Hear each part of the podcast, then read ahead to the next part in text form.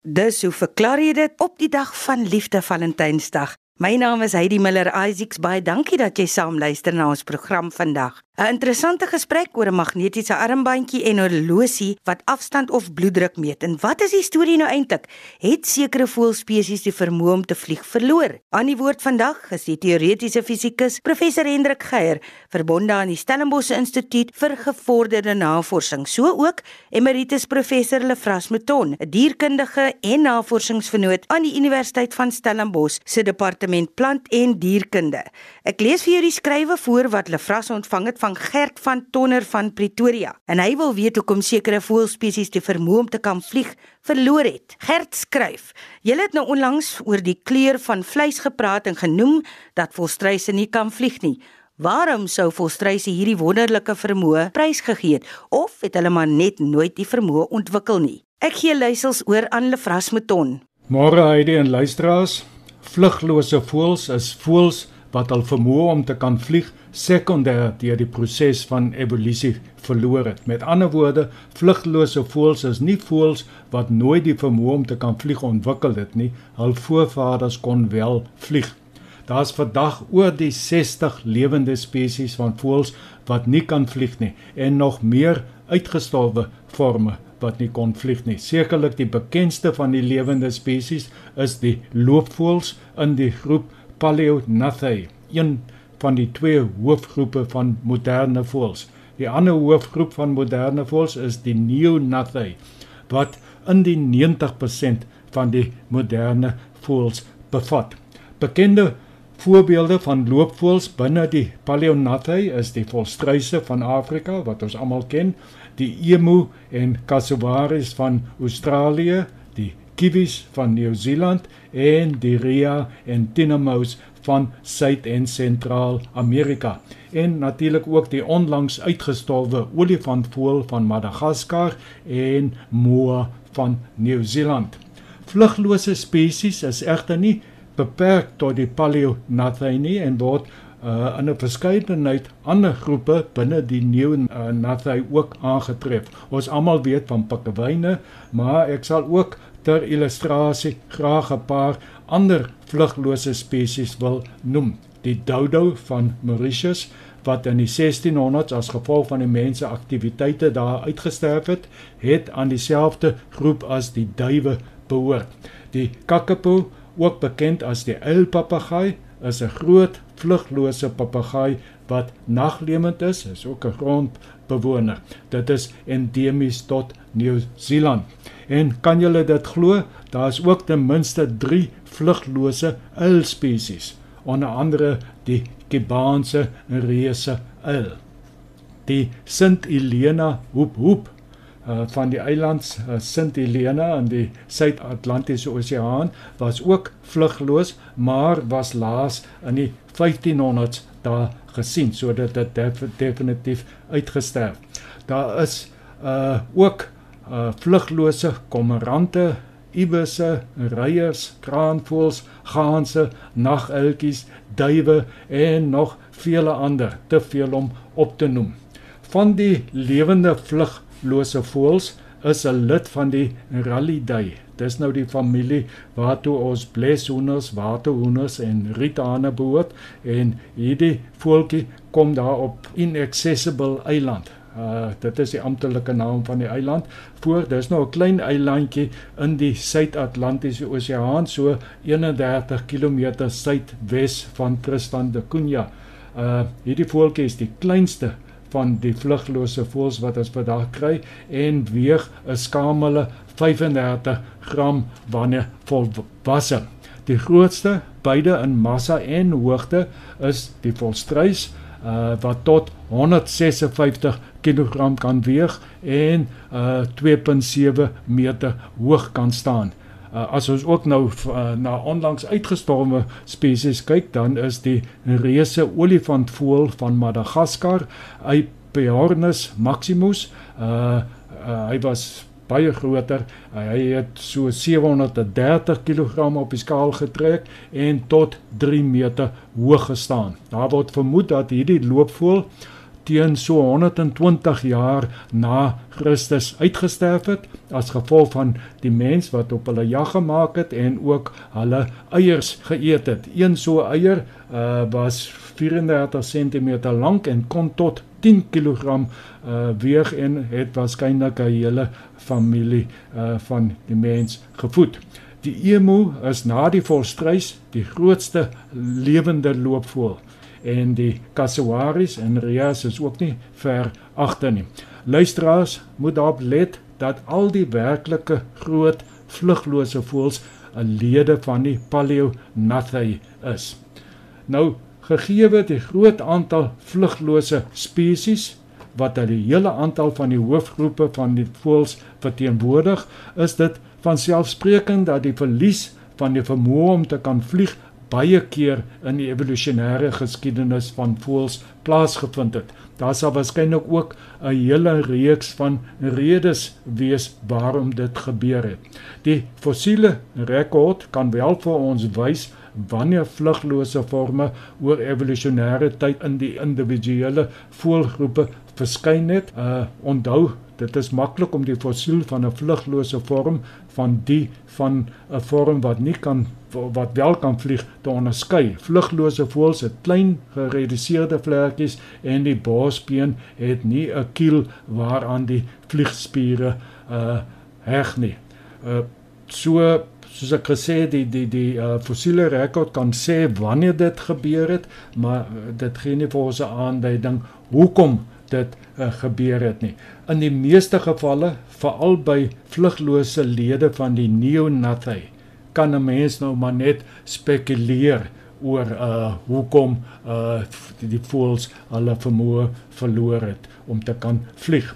Pikkewyne is in 'n mate 'n uitsondering want hulle gebruik hulle vlerke om onder die water te swem. 'n Mens kan amper sê om onder die water te vlieg in aanhalingstekens nou by hulle is die die rede vir die evolusionêre verlies uh van vlug dit heel duidelik.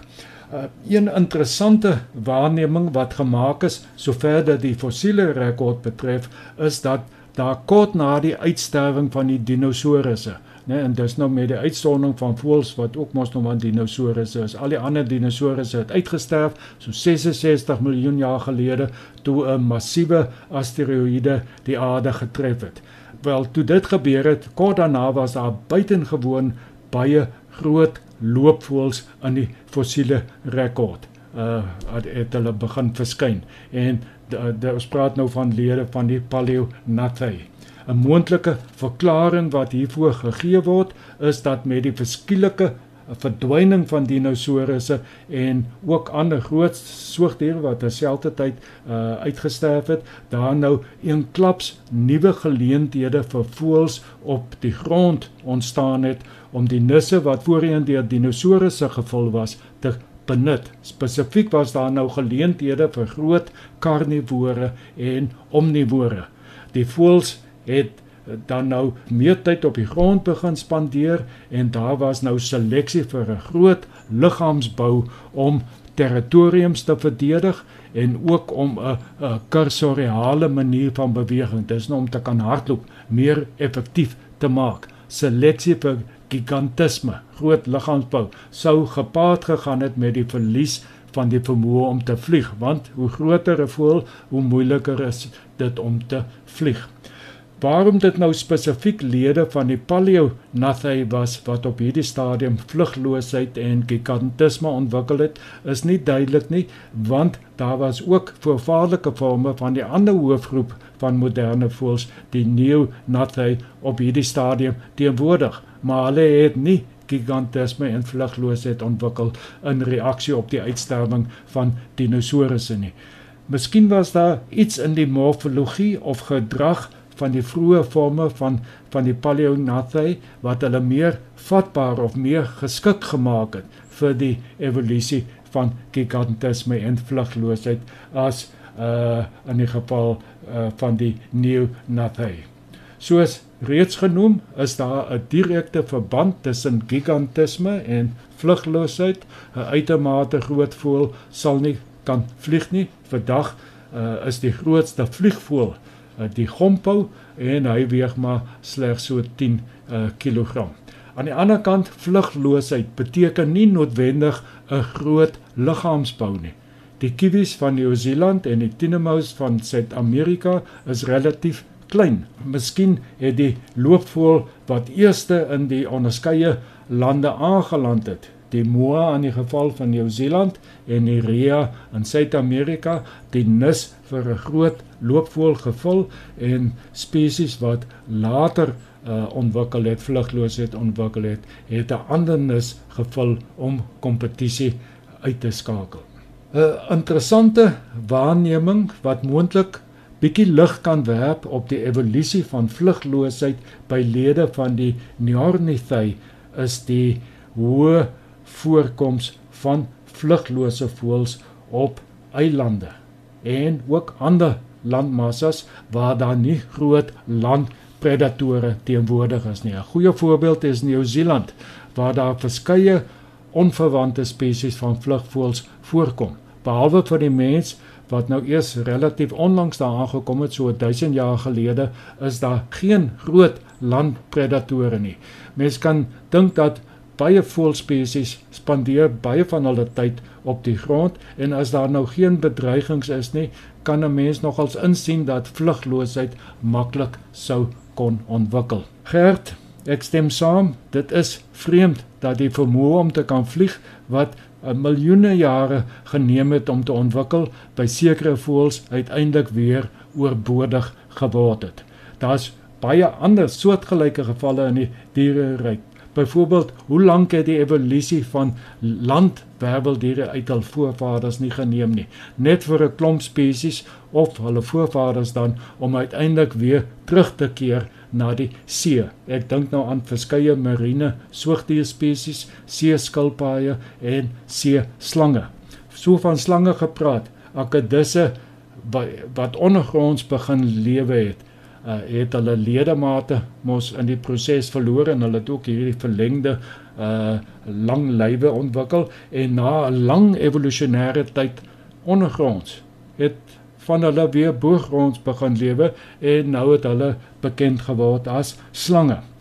Die boodskap is niks bly konstant nie. Dinge verander voortdurend en spesies moet maar voortdurend aanpas of anders sterf hulle uit. Kompetisie tussen spesies is een van die groot dryfvere vir voortdurende evolusionêre verandering. Baie dankie vir jou interessante vraag, Gert.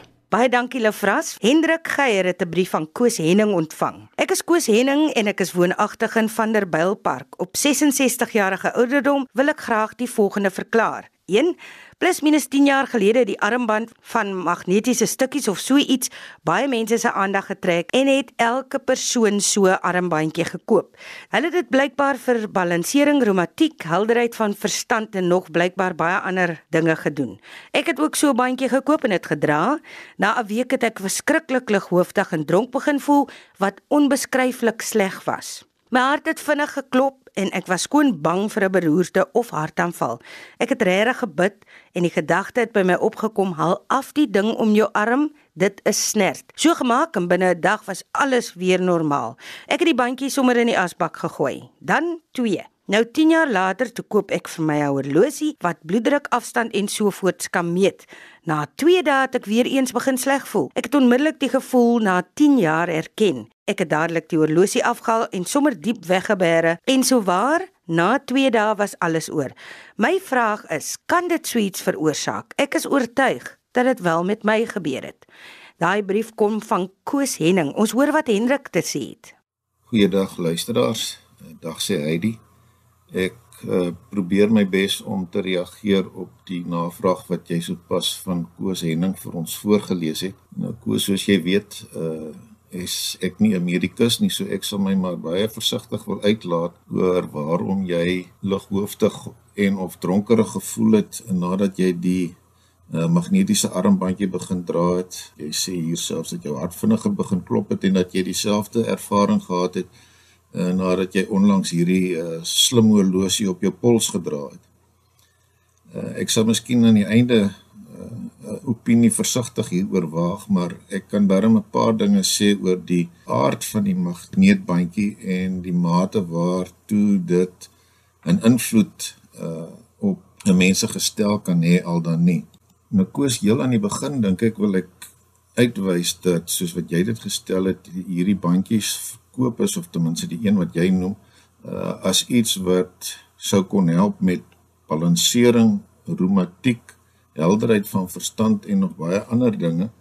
Uh en op een van die webblaaie waar met hierdie goed deesdae gesmous word, het ek ook gelees dat daar aansprake is dat dit jou bloedsirkulasie kan verbeter, uh jou kan laat ontspan en nog 'n paar ander goed. Nou ek dink as 'n mens van enige medikasie of hulpmiddel lees dat daar so 'n lang lys van kondisies is waarvoor hierdie goed konsuis uh, goed is, werk, jou kan help om daarvan ontslae te raak of daarvan genees te word. Uh dink ek uh, moet die gevaarligte tog 'n bietjie flikker en uh alternatief sou mens kon sê jy moet maar jou uh, onsin verklikker aanskakel uh, na mate die lys van sulke aansprake groei.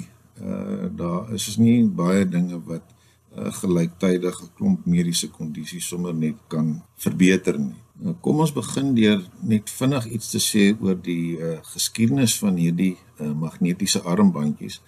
Uh dit het klaar blyklik al uh gebruik gehad in tyd van Kleopatra lees ek uh en meer spesifiek uh het dit in die renessans na vore getree uh as iets wat voorgehou is dat dit inderdaad kon help om allerlei siekte toestande en infeksies uh, te bekamp en kroniese pyn te verlig. Ook een van die aansprake wat deesdae nog deur verkopers van hierdie uh magnetiese armbandjies gemaak word. Uh, nou destyds soos ook met elektrisiteit was daar die uitgangspunt dat magnete 'n soort van 'n lewende energie bevat wat dit ook al mag beteken en dat dit om daardie rede uh, voordelig sou kon wees om so 'n armbandjie te dra.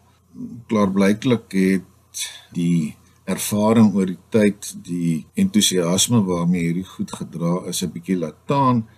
Uh, maar dan lees 'n mens dat hier in die 1970s iemand met die naam van Albert Roy Davis weer uh, hier 'n aarraak geboor het uh, wat deesdae voorgehou word of beskryf word as 'n multibiljoen dollar industrie.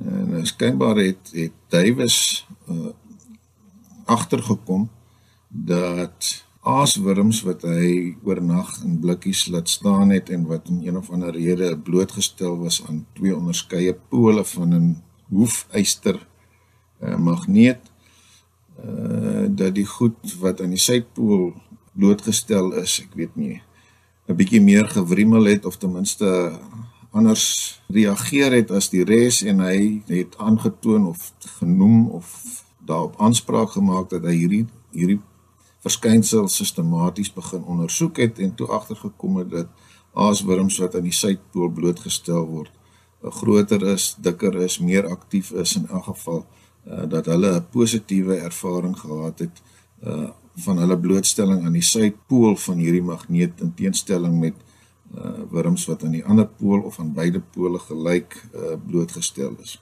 Nou ek het nie die moeite gedoen om hierdie hele verhaal verder te voer nie. Uh uh, of daaroor na te lees nie uh, wat ek wel agtergekom het, het is dat 'n mens tot vandag toe nog 'n uh, hele rits boeke kan koop uh, waar hierdie aansprake van die positiewe effek van magnetiese velde op lewende organismes en spesifiek ook uh, die mens beskryf uh, en ontleed word. Nou voor ek iets sê oor wat ek kon agterkom oor die huidige status van hierdie aansprake soos wat hulle in die mediese wêreld ontleed is. Kom ons sê net vinnig iets oor magnetisme self. Die meeste van ons is vertroud daarmee dat 'n houertjie met ystervysels, dat daardie ystervysels deur 'n magneet aangetrek word en yster is bekend as 'n sogenaamde ferromagnetiese materiaal. Nou in die vroeë pogings om magnetisme te verstaan het dit gebleik dat klassieke meganika net nie in staat was om hierdie verskynsel te beskryf nie en dit het met die tyd gebleik dat dit eintlik 'n 'n kwantummeganiese effek is meer spesifiek uh setel die magnetisme in die gedrag van elektrone in 'n atoom. En kortom sou 'n mens kon sê dat atome waarin alle elektrone in pare voorkom, met ander woorde dat daar afparing tussen die elektrone is, hulle openbaar sogenaamde diamagnetisme. Dit is 'n baie swak vorm van magnetisme. Om waarheid te sê, 'n permanente magneet sal iets wat diamagneties is effens afstoot. In teenstelling daarmee wanneer 'n atoom ongepaarde elektrone het of 'n ongepaarde elektron, dan is dit sogenaamde paramagneties, weer 'n uh, relatief swak vorm van magnetisme en die sterkste vorm van paramagnetisme is wat ons meer vertroud is as ferromagnetisme. Iets wat nie te betwyfel is nie is dat yster deur 'n magneet aangetrek word en een van die uh, bladsye waar nou met hierdie magnetiese bandjies gesmous word is baie eksplisiet uh, om vir jou te verduidelik dat die verligting van pyn onder andere wat jy sou kon kry deur so 'n bandjie te dra daarmee te maak het dat meer bloed na die arm getrek word waar uh, om jy hierdie bandjie dra omdat daar nou hierdie interaksie tussen yster in jou bloed en die magneet is en dan beveel hulle sommer aan dat jy moet oorweeg om aan beide polse so 'n bandjie te dra om die effek nou nog beter te maak. Nou mense welkom vra, is dit inderdaad so dat die yster in jou bloed uh deur so 'n magneet aangetrek word? Uh terloops net om om 'n paar orde groottes te gee uh of om om nog 'n stukkie inligting uh, met die luisteraars te deel, waarskynlik redelik bekend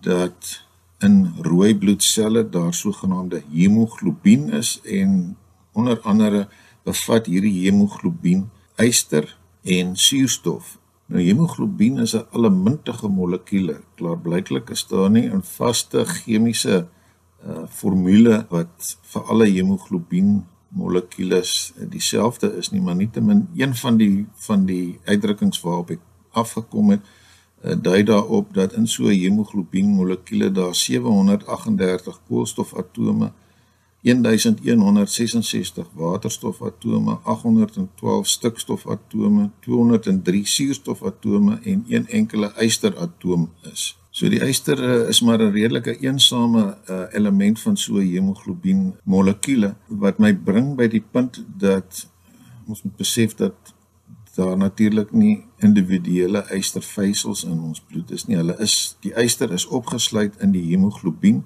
en daarin lê die sleutel as 'n mens wil vra sou 'n magneet 'n invloed hierop hê. Nou op 'n bekende uh, internet kanaal waar mense na videogrepe van enige iets onder die son kan gaan kyk, het 'n uh, Deense amateur wetenskaplike die moeite gedoen om hierdie proses te gaan ondersoek, naamlik om bloed direk bloot te stel aan 'n sterk magneet en te kyk wat die effek daarvan is. En hy begin deur twee situasies vir jou te wys. Uh die een uh, terloops die voorwerpe waarvan hy probeer toets of hulle nou op 'n magneetveld sou reageer al dan nie dat hy versigtig uh dryf op 'n drywende blokkie in 'n bak water met ander woorde die die effek van die magneet op potensiële effek sou mens makliker kon waarneem as wanneer jy nou die ding uh ergens op 'n oppervlak gehad het waar wrywing tot 'n groter mate ter sprake is. Hoe ook al Uh, aan die een kant wys hy vir jou dat 'n uh, magneet gewone vuurhoutjies nie eintlik aantrek nie en dan steek hy hierdie vuurhoutjies aan die brand en dan kom hy agter dat daar tog so ligte aantrekking is wat uh, illustreer dat die mate waartoe die yster wat nou in die vuurhoutjie kop uh, opgesluit is uh, reageer op die magneetveld het te maak met die manier waarop dit op 'n gegeewe stadium ingebind is in watter molekules hulle ook al hulle self bevind. So uh die die konteks of die manier waarop die yster ingebind word in 'n molekule is bepalend vir die mate waartoe dit op 'n magneetveld kan reageer. Nou om 'n lang storie kort te maak, hy het daar al 'n mintige sterk magnete wat hy dan uh gebruik om te kyk wat is die effek daarvan op 'n bakkie bloed en dan kom hy agter dat die bloed eintlik afgestoot word deur die magneet. Met ander woorde, uh, bloed op sigself is eintlik diamagneties en nie paramagneties of ferromagneties nie. So in die eerste plek koes is dit dus duidelik dat die aansprake dat jou bloedsirkulasie verhoog word deur die dra van so 'n magnetiese armbandjie omdat die magneet nou kon sy die bloed sou aantrek en seker vinniger sou laat vloei. Mense ook kon vra hoekom uh hoekom vloei dit nog hoe genaamd? Uh, kom hoop dit nie op daar waar die magneet is nie, maar dit is nou 'n argument vir 'n ander dag. Uh die feit van die saak is dis eintlik 'n afstotende effek wat die uh, magneet op die op die bloed het. Nou goed, dit sou seker uh nie noodwendig die argument dat dit die sirkulasie beïnvloed om ver gooi nie maar hiervoor moet 'n mens nou maar gaan kyk wat wat uh, deesdae in die mediese tydskrifte hieroor uh, gesê word en een artikel waarop ek afgekom het is gebaseer in die Kanadie is uh, gepubliseer in die Kanadese Mediese Vereniging se tydskrif in die jaar 2007 Uh, die opskrif is static magnets for reducing pain. So dit is spesifiek om die aansprake van uh verligting van pyn deur hierdie uh, magnetiese armbandjies uh, te ondersoek. Uh hulle het daar 'n hele rits van proewe, 29 van hulle sistematies ondersoek en op die ou einde die volgende gesê: In conclusion, the evidence does not support the use of static magnets for pain relief. Uh, hulle het onder andere gaan kyk na die placebo effek uh, en al hierdie verskillende studies 29 van hulle is onder gekontroleerde omstandighede gedoen en afgehandel en hulle sê such magnets therefore cannot be recommended as an effective treatment. Uh, verder maak hulle die hooglopende punt uh, dat mense wat pas aangeers of insulienpompies het, uh, liewers moet wegbly van sulke magnetiese armbandjies omdat uh, hulle daardeur beïnvloed kan word. Nou ter afsluiting koes, ehm um, ek kan nie vir jou verklaar waarom jy twee keer dieselfde ervaring gehad het, naamlik dat jy uh sleg gevoel het nadat jy eerstens die armbandjie begin dra het en toe later ook hierdie slim horlosie nie. Uh al wat ek kan sê is ek weet daar is iets soos uh, psigosomatiese ongesteldhede of steurings met ander woorde wanneer jou gemoedstoestand 'n direkte invloed op jou welwees kan hê en dit mag miskien deel wees uh, van wat jy uh, ervaar het met ander woorde dat jy ek weet nie 'n angstigheid gehad het baie moeilik om te sê alternatief natuurlik as jy van 'n insulienpompie of 'n uh, pasaangeer gebruik maak of gebruik gemaak het uh, is daar 'n meer direkte verklaring. Maar anders as om te spekuleer dat dit nie iets anders is as 'n selfsuggestie of 'n psigosomatiese reaksie nie uh al wat ek kan sê is daar's geen aanduiding dat die magneet self uh enige direkte effek op jou bloedvloei uh of op jou uh algemene gesondheidskondisie sou kon hê nie. Dis dan al vir vandag. Baie dankie aan Emeritus Professor Lefras Beton vir jou bydrae en dankie ook aan Professor Hendrik Geier. Die hoe verklaar jy dit span is aanstaande week weer terug met meer van jou vrae. Onthou jy kan die volledige program gaan aflaai in die MP3 formaat by rsg.co.za. Ek wens vir jou 'n vreugdevolle Sondag toe.